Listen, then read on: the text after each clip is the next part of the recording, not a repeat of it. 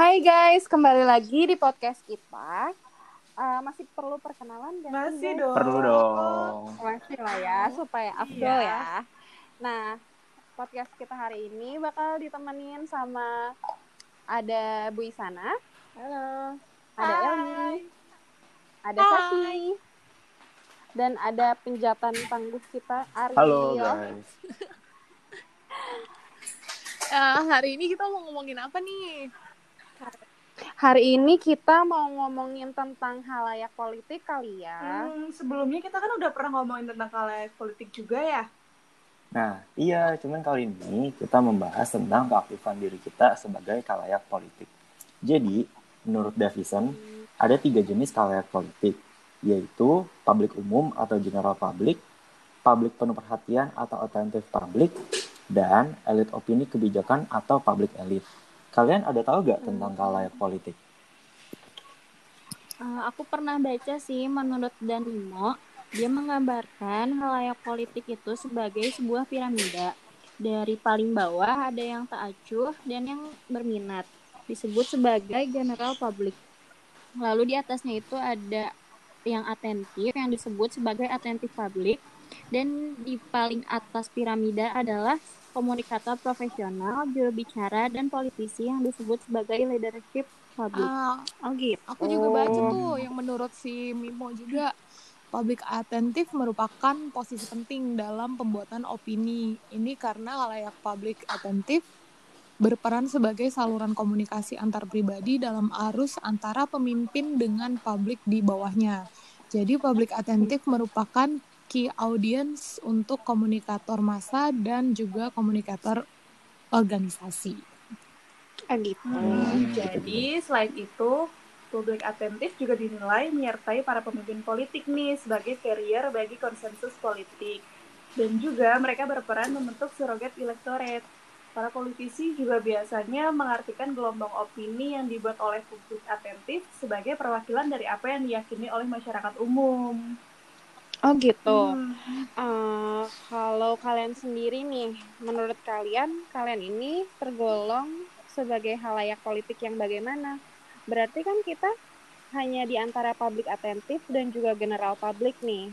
Karena kan kita bukan pemegang kekuasaan atau leadership publik. Ya nggak sih? Iya, benar, Iya. benar. Ah, kalau aku sih menilai diri aku sebagai publik atentif ya, karena aku cukup memperhatikan keadaan politik yang terjadi di Indonesia, khususnya di tempat aku tinggal di Jawa Barat. Jawa Barat dipimpin oleh Gubernur Ridwan Kamil atau sering kita panggil Kang Emil. Jadi aku sering memperhatikan kebijakan politik yang dibuat beliau. Misalnya saja, kebijakan beliau untuk melakukan rapid test corona di Jawa Barat. Menurut aku, itu salah satu kebijakan yang baik dan sangat aku dukung. Lalu misalnya juga ada kebijakan beliau yang menurut aku kurang baik. Seperti minggu lalu, ia memiliki kebijakan baru untuk penyaluran bansos untuk warga. Menurut aku sih itu kurang tepat pelaksanaannya. Makanya aku bisa speak up dan aku kayak mengkritik gitu kebijakannya. Hmm. Ya setuju setuju. Aku juga eh, tinggal di Jawa Tengah dan kebetulan di sana dipimpin sama Ganjar Pranowo.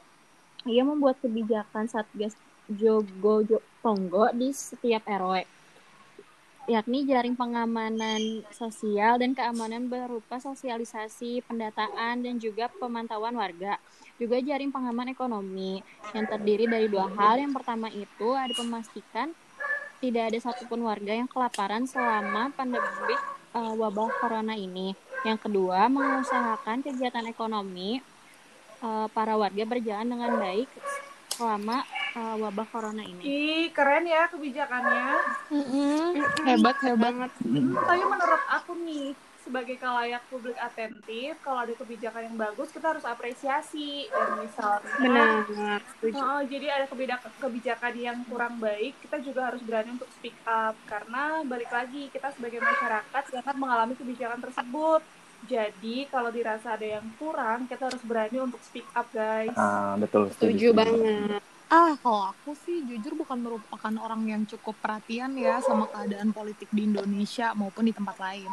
Jadi aku nggak bisa bilang kalau aku merupakan general publik yang tak acuh. Menurut aku, aku udah capek sih dengan keadaan publik eh, apa politik di Indonesia yang semeraut gini sehingga aku nggak terlalu peduli deh. Jadinya cuma ngikut aja. Hmm.